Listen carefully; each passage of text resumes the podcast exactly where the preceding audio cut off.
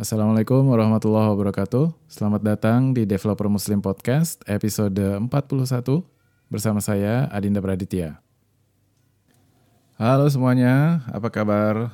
Semoga sehat selalu, jasmani dan rohani, terus seimbang sama aktivitas luar dan aktivitas di rumah. Alhamdulillah gue baik-baik aja, seneng banget bisa ngerekam lagi untuk episode kali ini eh, gue akan ngebahas web accessibility. Topik yang mungkin cukup jarang dibahas di acara-acara developer ataupun meetup di daerah dekat lo tinggal. Justru karena kurang dapat perhatian inilah materi ini gue angkat dan gue bahas bareng sama developer yang sangat berbakat dan menaruh perhatian besar sama web accessibility. Beliau adalah Satya Kresna, web developer dari Bali.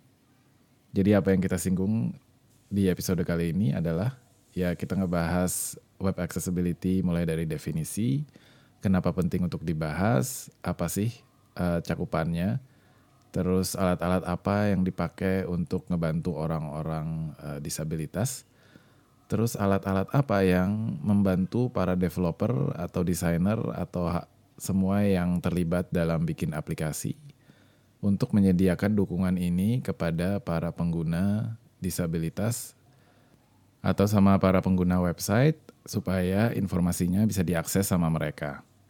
Terus sumber-sumber untuk belajar dan implementasi uh, dukungan-dukungan tadi. Terus setelah lo bikin alat-alat bantu ini untuk uh, akses untuk mereka, apa aja nih parameternya gitu kan? Apa udah sesuai standar atau enggak ya, itu juga kita bahas dan uh, masih banyak lagi eh, hal-hal uh, lain yang uh, seperti mitos-mitos tentang web accessibility ini. Gue bocorin aja apa yang jadi kesimpulan kita adalah ya web accessibility itu penting banget dan belajar untuk mengimplementasinya itu cukup sederhana karena semua alat-alat tadi udah ada, kita tinggal pakai dan parameternya juga ada. Ya, jadi itu kesimpulannya gitu ya. Cukup sederhana, tapi sebagai developer yang baik, yang keren, pasti lo penasaran kan dan gak mau nelan mentah-mentah kesimpulan-kesimpulan tadi gitu.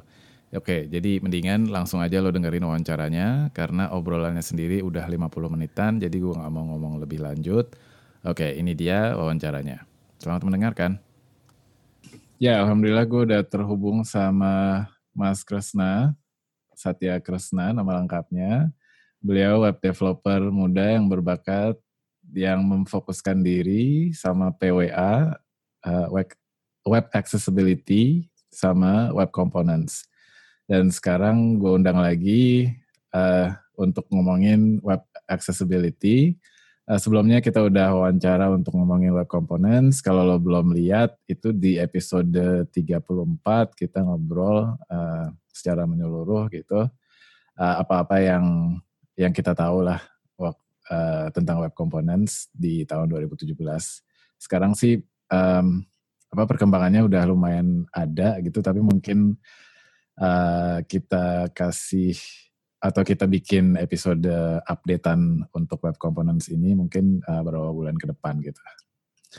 Uh, ya, selamat datang Mas Kresna. Silakan kenalkan ya. diri lagi. Mungkin ada yang belum tahu gitu atau mungkin uh, ada pendengar baru yang baru dengar sekarang dan belum dengerin episode sebelumnya. Silakan. Ya, halo semuanya. Makasih banyak sudah dengerin podcastnya Dev Muslim. Uh, saya Kresna, saya kerja di Universitas Udayana di Bali uh, sebagai web programmer. Uh, di sana kita uh, saya ngerjain sistem internalnya Udayana. Uh, enggak semuanya sih, kita sudah ada pembagian sistemnya. Uh, saya udah di sana nanti bulan April sudah setahun lah saya di sana. Hmm. Kita pakai stacknya PHP, backend frameworknya itu uh, Laravel, Coordinator hmm. sama cake PHP. Terus sekarang sibuk apa nih? Kalau sekarang sibuknya sih sama masih ngerjain uh, kerjaan kantor, sistem internal saya, terus juga sama lagi sibuk ngerjain challenge dari WWWID itu tentang tantangan membuat web yang bisa loading minimal di bawah 5 detik. gitu. Hmm. Ya, ya, ya. Tapi ini kan baru baru pekan pertama ya dari tantangan itu. Ya, katanya sih sebulan lah tantangannya. Jadi gini, uh, ini bukan main kompetisi, bukan. Jadi dalam waktu kurun sebulan itu sudah sejauh mana progresnya. Habis itu kita laporkan dengan bikin artikel di Medium. Nanti kita submit ke link yang telah disediakan. Uh, baru akan di publish. Jadi kalau yang lewat dari sebulan mungkin hanya di listing aja, nggak dibahas secara mendetail. Dan nah. kebetulan yang bikin challenge-nya ini Johan Toting, dia developer advokat dari Google. Google okay. dalam artian dia timnya Chrome. Dulu dia mantan GDE Web Indonesia yang pertama, sekarang sudah lagi vakum GDE yang di Web Indonesia, belum ada siapa-siapa. Oke, okay, nanti um, mungkin kita bisa bahas uh, tantangan itu nanti di akhir penutup pas uh, apa pas nanya tantangan sama misi ke depan. Um, ya nanti sekalian kan mungkin um, kita bisa kita bisa jelasin juga ke pendengar gitu uh, tantangannya itu seperti apa gitu. Mungkin orang yang males baca, mungkin ah. kita bisa jelasin lagi di akhir uh, apa di akhir episode ini. Gitu. Ya. Tapi sekarang kita uh, okay. ganti gigi dulu. Switch gear kata ya orang putih. Oke. Switch gear. Switch gear. Iya, ke web accessibility gitu. Oke. Okay. Ya. Um, ya ini udah udah lama banget gue pengen bahas ini gitu. Jadi pengen ngebahas accessibility um, dan pas ngelihat pertama kali jadi pas ngelihat pertama kali tweet profilnya Mas Kresna itu sebenarnya itu dari acara kalau nggak salah Mas Kresna ini pakai hashtag tertentu atau apa intinya ketangkep lah gitu. Terus ah. um, pas aku lihat itu profilnya nyebutin apa ya fokus tentang accessibility gitu. Itu menarik banget karena uh, jarang banget orang uh, developer Indonesia maupun yang luar negeri gitu ya untuk um, masukin itu ke profil mereka gitu loh. Orang kan hmm. biasanya um, apa React Nerds atau apa gitu yang yang keren-keren gitu kan. Ya, ini aja ini bukan framework, bukan framework gitu loh. Bukan framework yang mungkin nggak nggak terkenal, tapi ini justru accessibility yang lebih nggak terkenal lagi daripada daripada framework JavaScript gitu. Jadi benar-benar ini ngelangka banget dan jadi begitu aku lihat langsung aku ini gitu. Terus pertama sih mungkin sekedar intermezzo gitu ya. Maksudnya ini foto dia waktu muda atau emang dia masih muda gitu?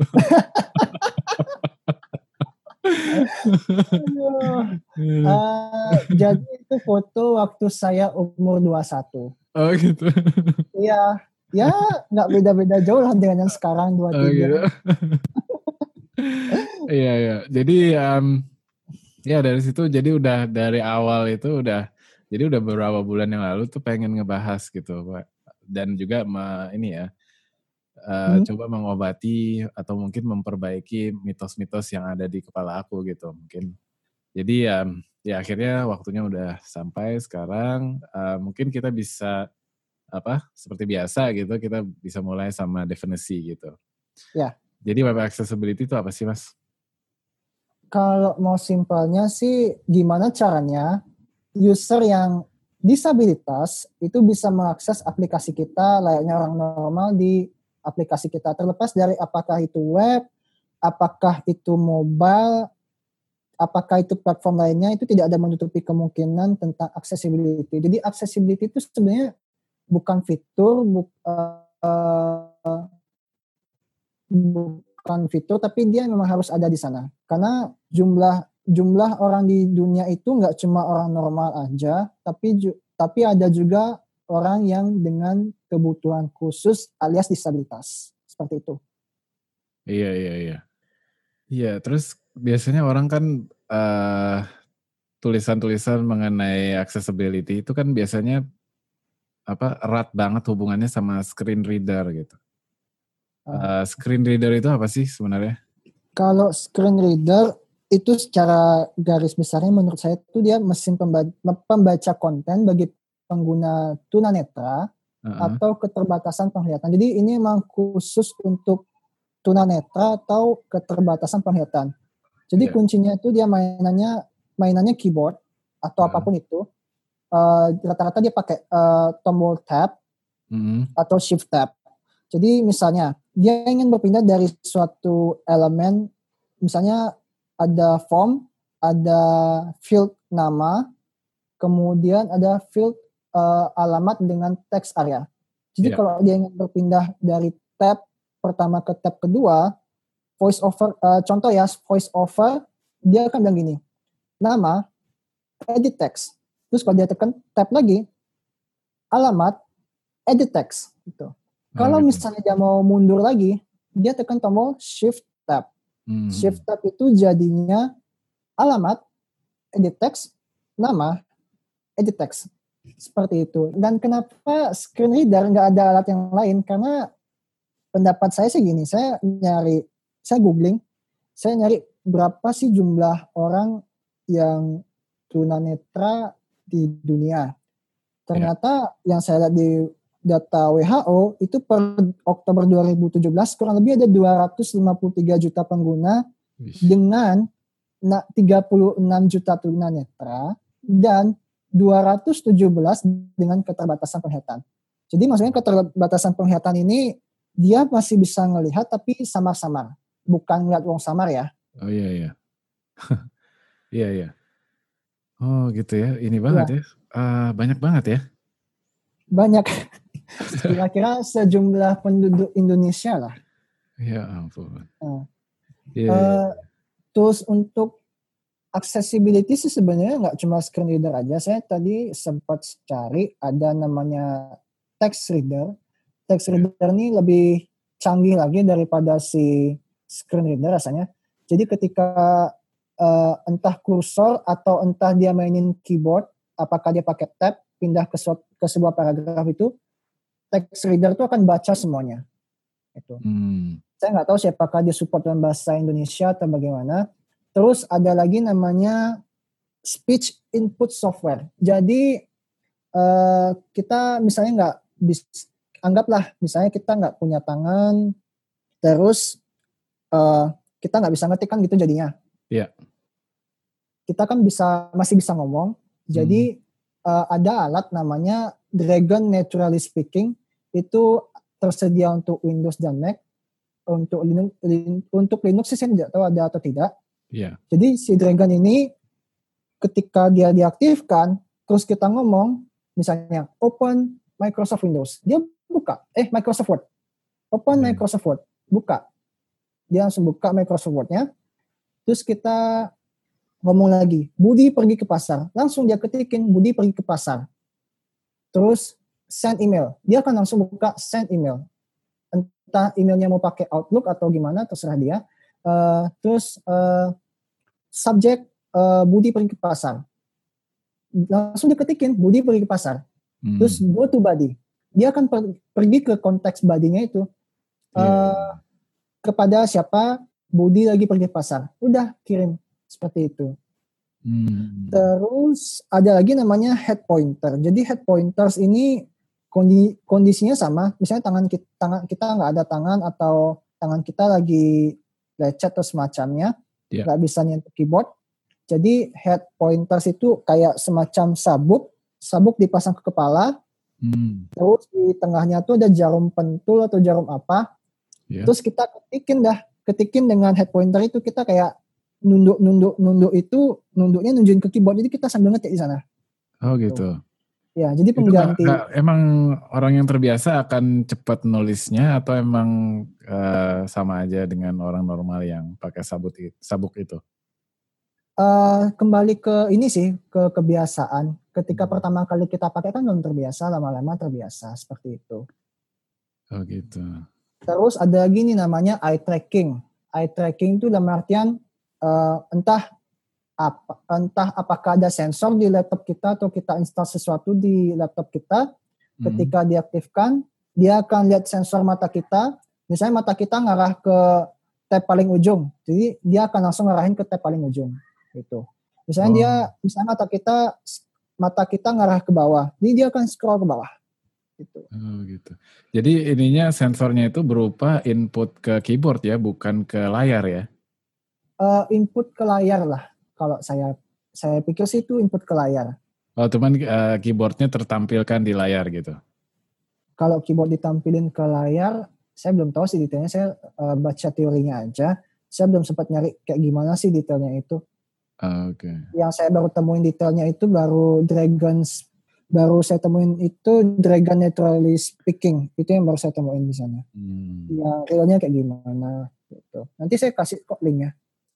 Ya, terus um, ya waktu itu Mas bilang uh, sebagai uh, apa yang concern dengan web accessibility waktu itu Mas bikin apa? Apa yang udah pernah di develop dengan dengan apa ya uh, kewaspadaan kalau ada hal-hal seperti ini gitu? Sejauh ini sih yang saya buat itu masih ke penanganan form karena saya ini di realnya saya di kantor, jadi setiap kali saya mau bikin sebuah form, saya nggak akan pernah lupa atribut namanya form dan ID gitu. Hmm. Dan satu lagi namanya area. Area hmm. ini accessibility rich internet, oh, saya lupa panjangannya. Hmm. Uh, ID, for dan area. Jadi uh, kalau kita pakai tab dan aktifin voice over atau semacamnya, misalnya kita punya form dengan field bulan. Bulan ini kan dari Januari sampai Desember. Yeah. Kita tekan tab. Ketika kita tekan tab, dia Januari check uncheck tick box. Itu ngomongnya si voice over. Hmm uh, tapi saya nggak post di sana. Kok dia cuma ngomong Januari? Saya pengen ada kata bulan. Nah, gimana caranya? Jadi saya bikinin label, label namanya bulan dengan tagnya itu ID bukan for. Kemudian hmm. di input checkboxnya saya tambahin area label by, area dash label by hmm. itu dengan uh, eh, ID-nya dia. Yeah. Jadi misalnya ID saya namanya bulan, terus di area label by-nya saya tambahin bulan spasi nama bulannya apa. Jadi ketika ditangkap sama si voice over bulan Januari uncheck tick, uh, tick box seperti itu. Hmm. Karena kalau kita nggak pakai uh, istilahnya itu namanya associated label. Kalau yeah. kita nggak pakai associated label, screen over itu akan ngebaca blank edit text semacam itu. Hmm, karena emang nggak ada nggak ada yang dibaca gitu ya? Ya nggak ada penandanya apa yang akan dibaca. Iya. Sebenarnya ada penanggulangan lagi mau pakai placeholder juga bisa akan tetap terbaca. Jadi kalau kita uh, misalnya nih kita nggak ada pasang for dan ID, kita pasang placeholder, terus mainin voice over, ketika di tab uh, akan terbaca. Misalnya placeholder kita nama, akan terbaca nama edit text gitu. Iya, iya, iya. iya. Iya, iya, iya menarik, menarik, menarik. Ini Terus, dari dari kapan huh? nih? Um, apa concern terhadap ini? Uh, udah lama sih kayaknya sebelum uh, udah tahun 2017-an semenjak saya kenal accessibility di acaranya Google I.O. gitu. Oh. Dan ada course Udacity namanya Web Accessibility. Itu buatannya Rob Dodson sama Alice Boxhall. Gitu. Hmm. Jadi saya belajar di sana kalau associated label itu penting banget. Apalagi kalau kita bikin situs e-commerce itu kan ada transaksi check out dan payment segala macam. Kemudian kita pilih-pilih barang juga terlibat lah accessibility di sana. Terus kemudian ada Wikipedia. Wikipedia ini contoh yang bagus untuk web accessibility. Hmm. Dia memakai dia nggak pak uh, rata-rata kan kalau bikin website kita pakai tagnya div ya. Iya. Yeah. Ah, kalau di Wikipedia tuh jarang dia pakai tag div, dia pakai uh, namanya semantic semantic uh, tag. Semantic tag ini contohnya tag H1, tag artikel, tag section, tag nav gitu. Jadi ketika kita membuat sebuah menu atau navigasi kita pakai tag nav. Kemudian kalau bikin sebuah uh, artikel kita pakai tag artikel gitu. Jadi ketika kita mainin dengan voice over web semantic itu akan terbaca. Cuma saya belum praktekin sih uh, pakai voice over untuk kasus semantik ya itu. Iya iya iya. Jadi jadi nggak hanya ya pakailah tag-tag itu yang tag HTML5 itu yang sesuai dengan uh, definisinya. Jadi nggak hanya sekedar saat di render itu hmm. bagus cantik gitu, tapi dari segi komputernya itu nggak kebaca sama sekali karena div semua misalnya. Iya betul. Hmm. Terus ada lagi nih uh, tag image misalnya uh, contoh ketika kita loading website itu nggak sepenuhnya di download dan fungsi akses uh, fungsi-fungsi lainnya nggak berhasil di download. Sebenarnya uh, saya nggak tahu ya apakah ini koneksi internet atau gimana. Mungkin ini lebih ke arah urusan performa websitenya dan internet.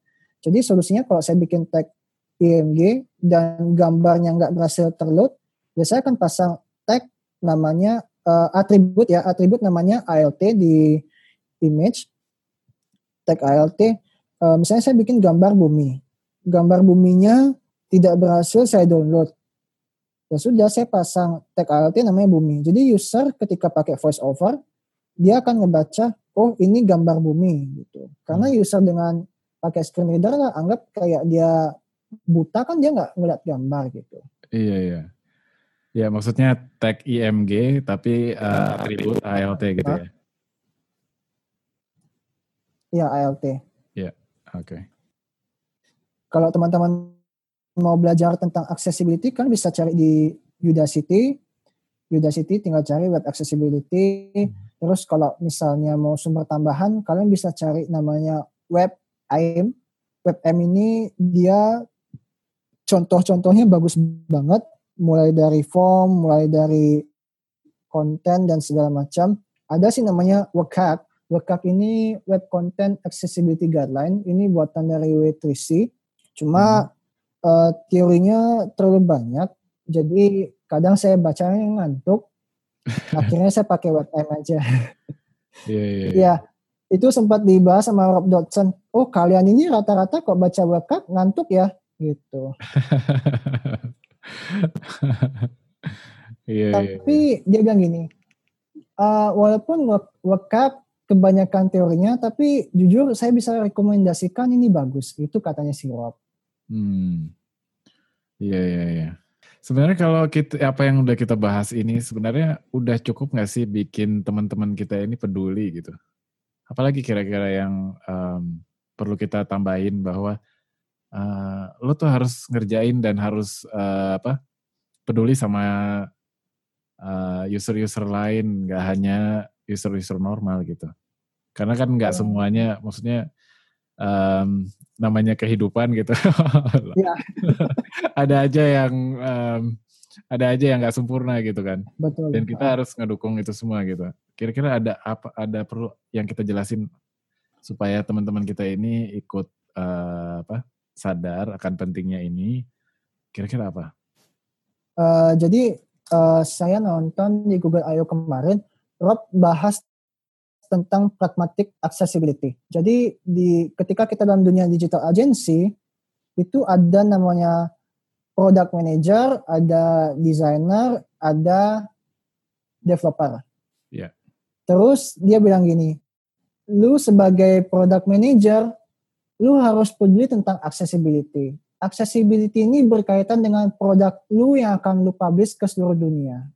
Jadi lu harus kasih waktu kepada desainermu dan developersmu untuk mempelajari accessibility. Dan itu pun harus waktu yang spesifik, tidak boleh uh, mencampuri urusan uh, jam kantor. Jadi ada time yang terpisah gitu. Hmm. Jadi kayak semacam pelatihan lah.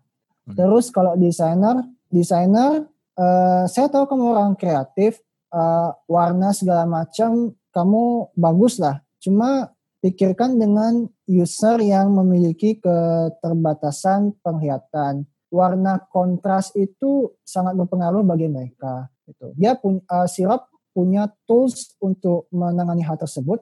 Dia nyari kayaknya sih bukan dia yang buat. Uh, hmm. Nanti saya akan coba cari-cari dan share kalau saya dapat. Uh, terus uh, pikirkan juga tata letak. Uh, pikirkan tentang navigasi. Gimana sih navigasi yang baik untuk berpindah dari uh, halaman pertama dan halaman kedua. atau dari dalam satu konten tuh gimana navigasi yang baik itu yang harus dipikirkan oleh desainer. Untuk developer juga samalah seperti uh, desainer bahwa jangan lupa area dia bilang kayak gitulah jangan lupa tag area jangan lupa uh, associated label dan segala macam. Seperti itulah kira-kira yang dia bilang. Hmm. terus kalau saya sendiri sih uh, kita berinteraksi dengan banyak orang. Bukan cuma orang-orang normal seperti kita aja. Ada user disabilitas. Ya salah satu cara untuk membantu mereka ya harus menciptakan produk yang aksesibel dan artian ya bisa diakses oleh semua user disabilitas. Kalau kamu memang sayang dengan produk kamu, sayang dengan user kamu ya mau nggak mau kamu harus belajar tentang accessibility gitu. Hmm. Iya bagus banget tuh. Um, mungkin kalau misalnya dikasih uh, ada saya ya gimana ya, ada apa? Sorry, uh, saya cut. Uh, saya kemarin sempat bikin artikel di Medium tentang studi kasus accessibility web form. Hmm. Saya share beberapa grup uh, komunit grup komunitas di Facebook dan yang responnya paling besar itu adalah orang di kalangan UX hmm. dibandingkan developer. Dan bahkan mereka pun uh, bilang, iya ini penting banget buat user kita dan ada yang mau share cuma-cuma ke saya. Uh, saya bikin artikel tentang pengujian accessibility di Facebook. Ini artikelnya, pakai voice over. Coba aja dulu, gitu. Hmm. Terus ada yang dari ini grupnya UX Indonesia, yeah. sampai uh, ada peting uh, pengurusnya UX UX Indonesia, uh, Pak Jos namanya, Pak yeah. Jos uh, chat ke saya pribadi. Uh, Satya, itu artikel kamu tentang accessibility bagus banget loh. Uh, kapan-kapan main ya ke UX Indonesia gitu. Dalam secara nggak langsung, oh ternyata sampai kalangan UX pun peduli dengan accessibility gitu. Hmm. Bahkan orang dari UX Indonesia pun chat saya secara pribadi ya saya sendiri bangga dan di sisi lain saya juga belajar oh ternyata ilmu yang saya kasih baru segini kayak masih kurang. Saya harus belajar lagi gitu. Jadi ketika saya share ini saya bilang ke dia, e, Mas, yang saya share ini hasil pelajaran dari saya, saya masih kurang sama-sama belajar gitu. Dia yeah. bilang sih, oh yang apa-apa sama-sama belajar gitu. Mampir yeah. aja ke Jakarta ya. Oh iya gitu. Iya iya iya. Itu itu bagus banget itu bagus banget karena emang um, kayak mereka yang benar-benar peduli gitu. Jadi segala aspek um, kayak aku udah yang aku wawancara kemarin itu dengan Mas Oka, ya itu jadi semua aspek yang berkaitan atau halangan-halangan yang dialami sama user itu ditanganin sama dan diperhatikan sama apa praktisi UX gitu. Ah, UX. Iya. Dan mungkin juga kalaupun teman-teman developer ini belum uh, apa ya masih bebel gitu hatinya atau masih uh, bodoh amat. Ah. mungkin mungkin bisa diinikan dengan apa ya pengalaman saya pribadi yang mungkin udah pernah aku share. Jadi misalnya ketika ketika komputer saya hang gitu ya mouse-nya nggak bisa digerakin gitu dan saya cuma punya akses keyboard aja gitu.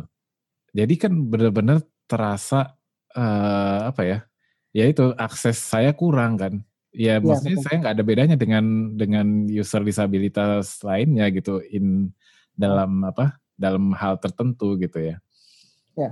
Ya, jadi ketika saya waktu itu pengen login atau apa gitu yang berkaitan sama uh, web form, ya mau nggak mau harus pakai tab dan misalnya ketika misalnya saya harus mereview GitHub misalnya ketika saya tab ternyata ada hidden mungkin area atau apa yang ya gitu cukup membantu gitu. Uh, Terus kadang-kadang saya juga suka komplain kenapa um, ketika udah uh, ketika udah ngisi form jadi tab oke okay, oke okay, oke okay, gitu. Uh, tab isi tab isi tab isi dan ketika submit ketika form yang terakhir field yang terakhir ketika saya tab itu harusnya kan di apa ya aktifnya itu hmm. uh, apa uh, fokusable ya. Iya, fokusnya betul, masya Allah. Ah. iya iya, fokusnya itu kan harusnya disubmit. Ini di tempat lain gitu. Maksudnya itu benar-benar hmm. bikin apa ya? Huh? Bikin jengkel kan. Maksudnya ya kita udah ngisi panjang dengan harapan dengan ketidak dengan keterbatasan ini nggak ada mouse, um, tapi saya harus submit sesuatu gitu ya. Maksudnya kalau kalau mau restart atau paksa gitu laptopnya dicabut terus di restart ulang kan bisa aja. Cuman kan mungkin ada hal-hal yang uh, apa sensitif sama waktu gitu. Kan jadi apa ya? Kita jadi kesel gitu. Dan ini ternyata nggak hanya dialami sama orang-orang yang disabilitas gitu. hmm. Orang-orang normal pun yang seperti ya kita-kita ini gitu. Buktinya saya sendiri mengalami gitu. Ke apa ya? Ketidaknyamanan ini dan apa namanya ibaratnya kan kalau misalnya tinggal submit form yang tinggal mencet enter ternyata nggak sesuai dengan apa yang kita harapin gitu itu kayaknya ada sesuatu gitu? yang Maksudnya, salah lah. Iya. Jadi untungnya sesama kita developer kita pengen uh, nyoba uh, ngungkapin masalah ini bahwa pedulilah sama yang namanya uh, web accessibility. Mungkin kita coba nanti dibahas. Mungkin ada tools-tools yang mempermudah kita entah itu apa bentuknya kayak unit test atau yang tools yang otomatis atau misalnya ada checklist atau misalnya ya udah selama lo pakai placeholder udah aman misalnya. Uh, ya, gue nggak tahu ya ini benar apa enggak gitu ya. Atau selama kalau tadi kan Rom bilang ya, jangan main area juga gitu. Tapi ya mungkin ada ada hal-hal yang minimal yang lo nggak harus uh, kerjain semua, tapi ada hal-hal yang minimal yang harus lo kerjain untuk uh, masalah web accessibility ini gitu. Kadang-kadang juga um, aku tuh berterima kasih Oma, uh, misalnya kalau mis uh, submit form, ketika aku pencet uh, command enter atau control enter di Windows gitu ya, hmm. itu formnya ke submit gitu. Ketika itu berhasil dan saya nggak harus nyentuh mouse, berarti kan kita uh, apa ya membuat orang itu jadi sedikit lebih produktif dan sedikit lebih efisien gitu. Kalau kita nggak harus pakai mouse dan menggeser sedikit gitu. Dan ketika misalnya yeah.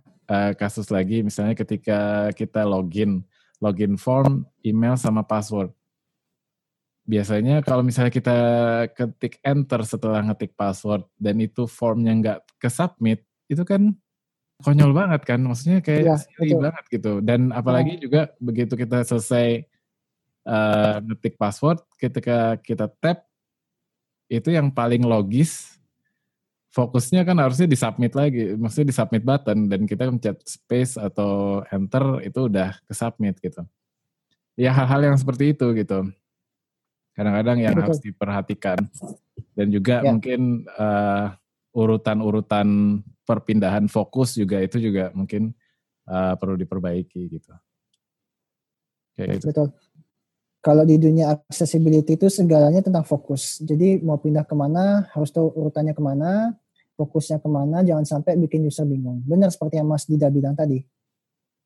Iya iya dan juga mungkin sekarang nggak tahu ini berhubungan atau enggak gitu ya tapi mungkin uh, ini hubungannya sama uh, Android um, jadi Android aku ini intermezzo aja ya maksudnya Android okay. aku um, kemarin kan uh, rusak terus abis itu pakai handphone lama yang kebetulannya itu bisa uh, apa ada versi lineage OS-nya yang Cyanogen mode uh, lanjutan dari hmm. Cyanogen mode-nya itu.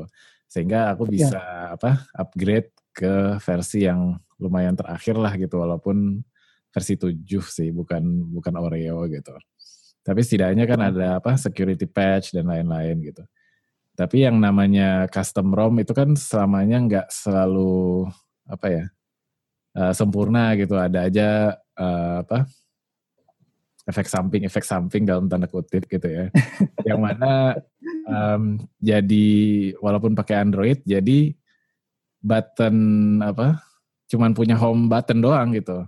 Back Ah. button tuh nggak ada dan yang satu lagi tombol yang satu lagi itu juga nggak ada gitu. Jadi Ah, uh, bayangin kayak gitu. Jadi aku berterima kasih banget sama Schengen.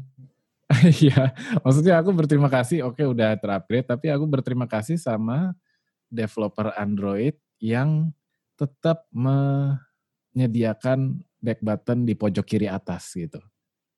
Karena Ah, itu iya, membantu betul. banget gitu kan. Walaupun itu Android, walaupun Android itu ada back buttonnya, tapi dengan adanya itu, dengan adanya itu berarti kan ada akses apa, ada hubungannya dengan accessibility juga gitu. Itu tuh Iya. terbantu banget itu.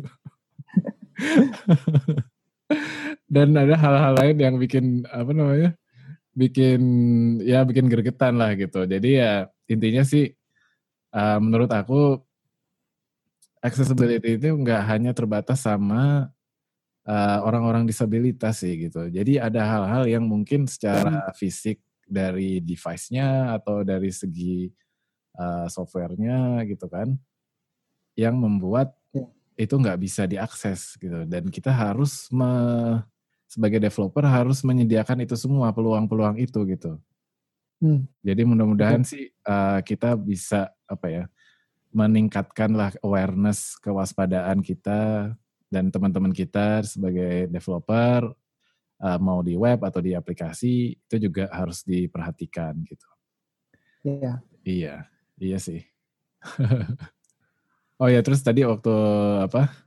uh, Waktu Mas ngomongin itu semua yang YouTube atau apa yang dari Rob Dodson, terus aku kepikiran ya kalau misalnya kita pakai AMP itu kayaknya udah tercover semuanya ya, benar nggak? M ya? Iya. Iya deh, kayaknya rasanya udah tercover semua ya. Iya, itu Betul. berarti secara eh, itu makanya aku kayaknya arahnya tuh ke sana gitu. Jadinya pengen pakai amp, pakai amp aja jadinya. Iya. Em, maksudnya Ah. mungkin dengan dengan eh, kalau misalnya pengen yang cepat dan eh, apa nggak perlu apa ya kustomisasi tambahan karena kan mungkin amp itu eh, restricted ya maksudnya JavaScript-nya mesti kayak gimana atau misalnya CSS-nya mesti yang seperti apa dan mungkin ukuran file size-nya dari CSS tuh kayak gimana gitu. Cuman yang aku Hmm. maksudnya dari sisi lain kalau misalnya kita nggak perlu yang custom custom itu em, kita bisa pakai M sebenarnya Iya, betul. untuk menyederhanakan gitu. Ah. Iya iya. Iya sih. Eh, bicara soal tools, saya sempat cari-cari ada tools namanya ali.css. Jadi accessibility itu eh, disingkat A11Y atau Ali lah. Oke. Jadi di ali.css ini dia sebuah file CSS, file CSS yang akan memperingatkan kita kalau ada yang sesuatu yang tidak sesuai dengan pakemnya accessibility kalau kita pakai di HTML. Gitu. Misalnya kita bikin HTML yang tidak sesuai dengan pakemnya accessibility, ya si ali.css ini akan ingetin kita gitu. Linknya akan saya kasih. Terus itu baru satu library yang saya temukan. Rata-rata sih tools sisanya. Toolsnya itu yang saya pakai itu masih dari Lighthouse, Lighthouse yang di punya Chrome. Kemudian nanti kayaknya di versi Chrome berikutnya itu akan ada panel di inspect elemennya tuh, di inspect akan ada panel accessibility. Nanti akan ada eh, kayak wajah mimik orang ngomong gitu, wajah mimik orang dengan ngomong ada tulisan area area label lah, related dengan area label. Heeh. Terus ada lagi satu namanya The Q, The Q Labs. Eh, The Q ini seper, seperti eh, perusahaan software yang memfokuskan ke accessibility, web accessibility. Dia juga sebagai konsultan dan sebagai trainer lah gitu. Trainer seputar accessibility. Jadi di The Q ini dia lebih sadis lagi dia inspeknya eh, dari eh, tag HTML, misalnya tag HTML5 kita udah benar nih, tapi si DQ bilang salah. Kenapa dibilang salah? Karena kita kurang uh, atribut di HTML-nya namanya uh, lang, language gitu. Oh, Uh, iya, iya. Tolong lebih spesifik language-nya apa? English kah, ini kah, itu kah gitu. Terus dia bisa baca kontras warna. Jadi si DQ ini sampai warna tetek bengeknya dia sampai cek terus di uh, pokoknya canggih banget DQ ini. Sampai hmm. Rob Danson bilang DQ ini saya rekomendasikan buat kalian yang mau tes accessibility. Gitu. Hmm, iya iya iya. Ya. Tapi minimum minimum toolboxnya apa nih? Yang dari Chrome itu sama uh, toolbox dalam artian? Maksudnya uh, yang apa kayak MVP-nya gitu. Jadi uh, checklist uh, oke okay nih uh, setidaknya uh, list dalam list ini udah uh, udah terpenuhi semua, setidaknya bisa lah. Nanti mungkin setelah berapa bulan lagi atau setelah uh, produknya launch, um, kita bisa pakai DQ misalnya yang sampai me, apa, mengomentari uh, kontras warna misalnya. Uh, MVP-nya sih kalau pakai Chrome ya pakai Lighthouse, dia rata-rata langsung ukur sendiri berapa. Dan sejauh ini yang saya lihat ketika kita bikin website, itu accessibility-nya pasti di atas 60 lah gitu. Jarang yang di bawah eh, uh, 50. Eh jarang yang di bawah 60, pasti di atas 60 gitu. Karena secara nggak langsung kita ngikutin standarnya HTML5 gitu. Hmm. Dan untuk ini uh, apa kayak PWA kan ya usahain PWA-nya di atas 90 lah baru kita senang gitu. Kalau accessibility ini nilainya perlu berapa? 60 atau 70 atau? Ya kayak nilai rata-rata di sekolah lah.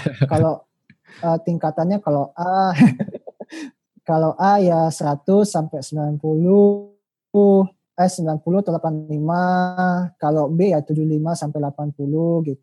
Uh, jadi uh, pribadi saya pendapat saya nggak ada nggak ada berapa skornya ya layaknya inilah nilai, nilai kita ikut tes atau apa ya kalau yeah. Nilai B itu kan 80 lah minimal. Uh, 80 udah oke okay lah gitu. Iya iya iya. Itu sih.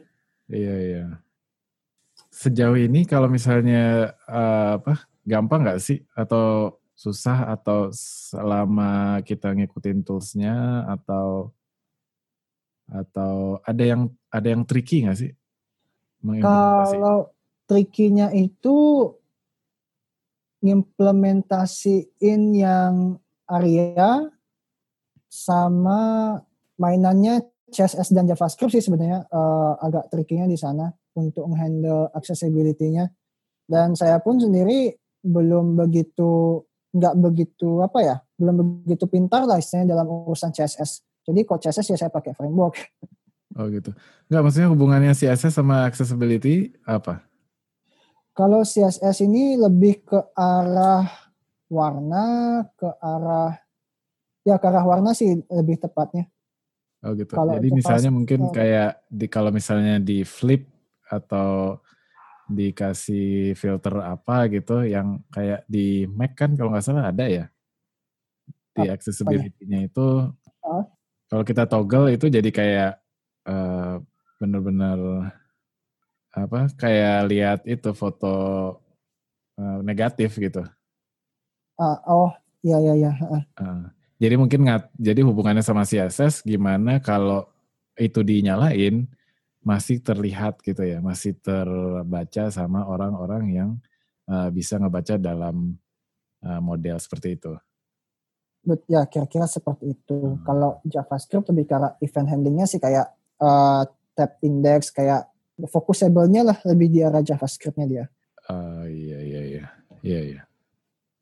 Berarti ya sebenarnya secara umum gampang ya sekedar kita nggak lupa sama atribut secara apa itu udah mungkin dapat 7, bener nggak? 60 tadi itu berarti. Hitung, hitung, hitung hitungannya ya 60 sampai 70 lah. Hmm. Kalau atributnya udah keisi ya. Ya, betul. Hmm. Ya, itu udah udah dapat uh, C ya. B lah. Oh, B. uh, ya sebenarnya kalau belajar accessibility itu nggak susah-susah banget kok dibandingkan belajar performance dan segala macam gitu. Iya iya nggak begitu sulit kok belajar accessibility. Ya cuma masalahnya kan karena accessibility nggak begitu familiar di Indonesia gitu masalahnya. Iya. Maksudnya di Indonesia dalam artian kalangan programmer dan developer nggak begitu familiar dengan accessibility gitu. Iya. Bahkan ketika saya mau mau angkat ini di sebuah meetup, dia nanya toolsnya apa, ada JS-nya nggak, ada CSS-nya nggak, pakai browser apa, gitu. Iya, kayak spesifik banget. Gitu. Iya iya betul betul. Berarti ya mungkin lebih banyak cerita itu aja sih ya. Maksudnya kayak misalnya Hmm. kita kita ngebahas ini ya di episode ini gitu. Kan kebanyakan tuh cerita gitu. Maksudnya sebagian besar itu lebih berat ke gimana meyakinkan developer teman-teman kita ini gitu kan. Hmm. Pas lihat toolsnya, terus pas aku baca ya udah ini aja kayaknya bahasannya gitu. Maksudnya ya berarti simple banget kan. Cuman yang perlu titik beratnya itu ya meyakinkan teman-teman kita untuk bahwa ini tuh penting gitu. Ya, Iya. sosialisasi ya, ya Iya, sosialisasi uh, harus lebih sering. Betul betul. Iya deh. Em, ada lagi yang yang mungkin belum belum di kita sentuh gitu. Uh, jadi kalau lagi sedikit nih, lagi satu ada namanya kriteria accessibility. Heeh. Jadi ada empat kriteria. Yang pertama itu perceivable. Perceivable itu konten sebuah dari sebuah situs itu tersedia bagi indera penglihatan, pendengaran maupun sentuhan, gestur.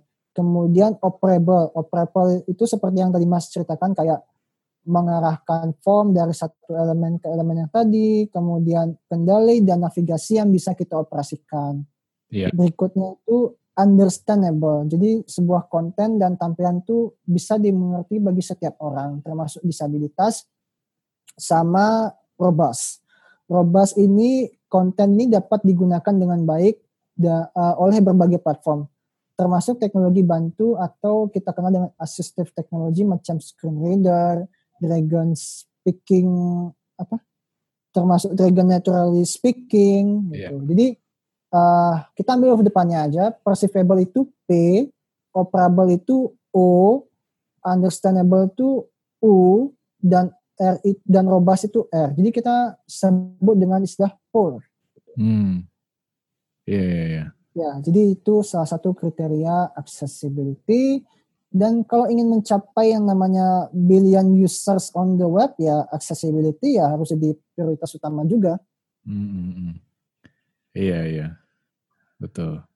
Em, terus mungkin kita juga nanti akan jelasin apa menyertakan artikel yang beberapa myth yang dibantah Iya, mitos yang dibantah.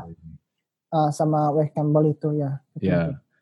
Um, mungkin salah satunya yang bisa kita bahas adalah um, orang dengan disabilitas itu uh, kayak minoritas dan nggak punya spending power gitu. Ya. Jadi accessibility itu nggak important, nggak penting gitu. Sementara yang dia bantah adalah dengan fakta bahwa uh, menurut sensus di Amerika ada 54 juta orang dengan disabilitas dengan kekuatan spendingnya itu 220 miliar dolar gitu. Betul. Jadi um, ya jangan main-main gitu. Karena emang orang disabilitas kan juga maksudnya nggak ngelihat dia kaya atau enggak, ya kan? Asa, maksudnya bisa aja orang disabilitas karena kecelakaan misalnya kan. Ya, Jadi betul. maksudnya nggak jangan jangan mengasumsikan banyak hal dan jangan meremehkan sih sebenarnya. Ya. Mm-mm. Sisanya mit, apa mitos-mitosnya silakan baca aja. Nanti uh, artikelnya kita kita ikutin, kita sertakan di catatan episode. Ini bagus banget nih. Mas Krisna dapatnya lagi googling atau emang atau gimana? Eh, jadi namanya di Twitter sih. Jadi saya follow kalangan-kalangan yang fokus ke accessibility gitu. Oh, Terus saya nemu ini kontennya gitu. Konten dengan website 24 LE gitu. Jadi saya buka, wih bagus banget nih gitu. hmm, Apalagi kalau misalnya nih saya punya interest jadi pengen spesialis di accessibility gitu. iya, apa iya, sih yang harus saya ketahui mitosnya apa sih kenyataannya gimana sih gitu. Iya iya. Terus eh, ya udah berarti aku tambahin nanti kalau bisa eh eh, apa Twitter Twitter profile yang suka nge-tweet tentang accessibility ini aja kalau emang ada orang yang tertarik sama topik ini lebih lanjut gitu. Ya. Oke, okay, um, ya sekarang opreknya ada open source yang ini enggak yang menarik uh, untuk dioprek atau masih ke apa target nyelesain tantangan itu? Ya, challenge-nya itu juga masuk dalam list saya. Uh, uh, kemarin-kemarin sih sempat uh, ngoprek-ngoprek uh, open source-nya orang. Itu judulnya seputar web components yang kemarin. Mm -hmm. uh, repo-nya si siapa? Julian namanya reponya Web Components To Do. Jadi Web Components To Do ini sama dengan To Do MVC, interface-nya sama, cuma dia pakai Web Components. Terus berikutnya saya cari Hacker News. Hacker News ini dulu uh, pionir uh, pionirnya tuh si Adi Osmani. Yeah. Dia pengen uh, dia pengen ngelis uh, gimana caranya ngimplementasiin Hacker News di berbagai uh, framework. Jadi saya satu uh, nemuin satu namanya Hacker News uh, Vanilla, HNPWA Vanilla. Dia mengimplementasiin pure dengan JavaScript, CSS tanpa framework dan itu pun dia terinspirasi dari uh, si React gitu. Repositorinya HNPWA, dash Vanilla. Gitu. Hmm. Terus saya lagi nyoba nyoba stencil, cuma karena stencil ini lagi proses develop, Uh, jadi saya skip dulu karena sempat nyobain juga, pengen nyoba yang PWA-nya dia, yang uh, stencil PWA yang pakai Hacker News.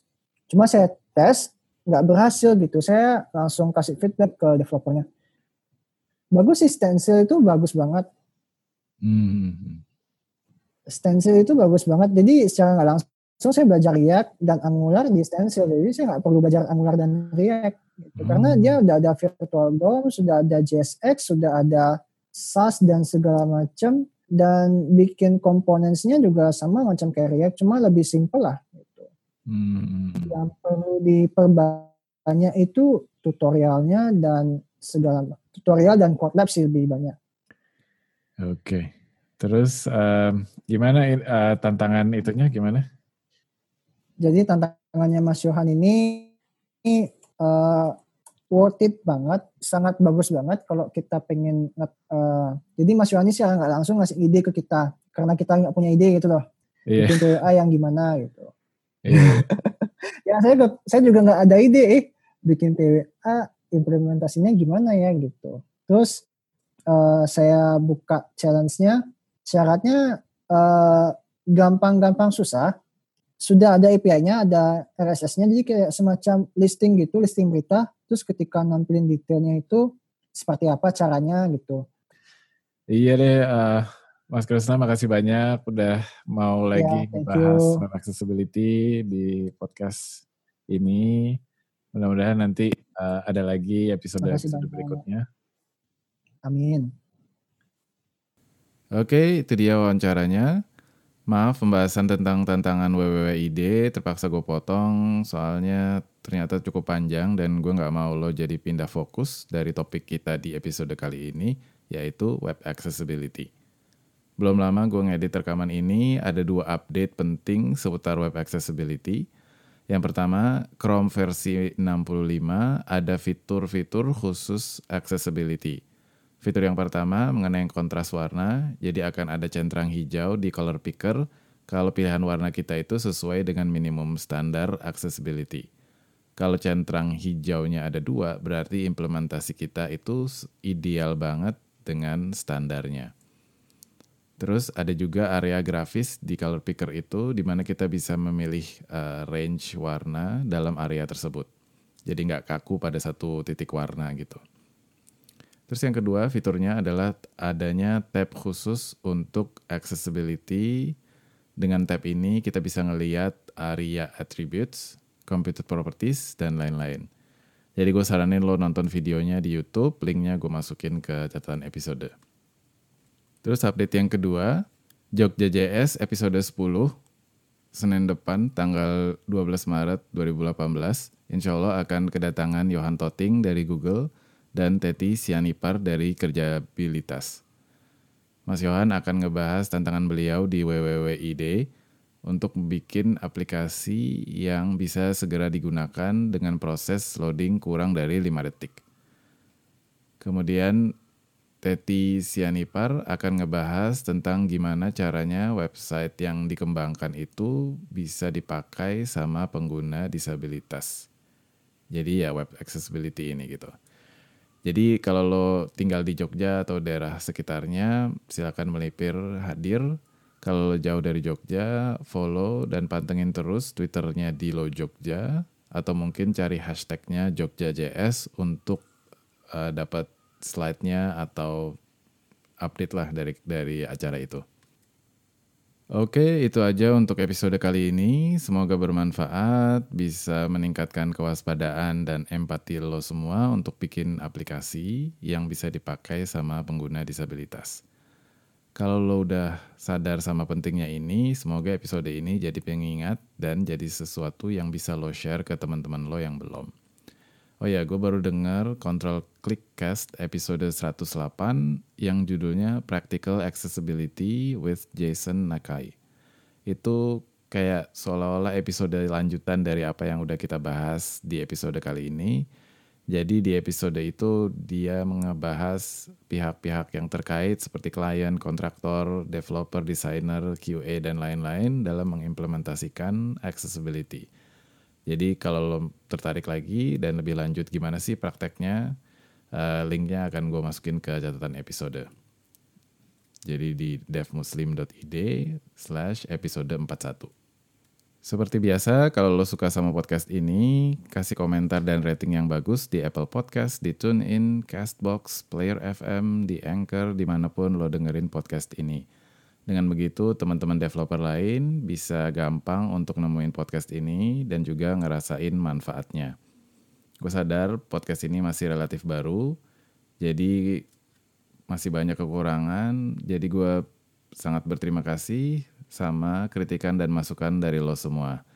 Lo bisa kirim email ke devmuslimid at gmail.com, DM atau mention gue di Twitter, at devmuslimid, atau lo bisa call in di Anchor. Cari aja Dev Muslim ID di Anchor. Terus gue juga lagi bikin survei pendengar, tujuannya supaya gue bisa lebih kenal lo, lebih mikirin topik apa yang cocok buat lo, apa yang penting buat lo, dan lain-lain. Jadi kalau lo belum ngisi, ayo ke devmuslim.id slash survei. Oke, sampai di episode Developer Muslim Podcast berikutnya insya Allah. Assalamualaikum warahmatullahi wabarakatuh.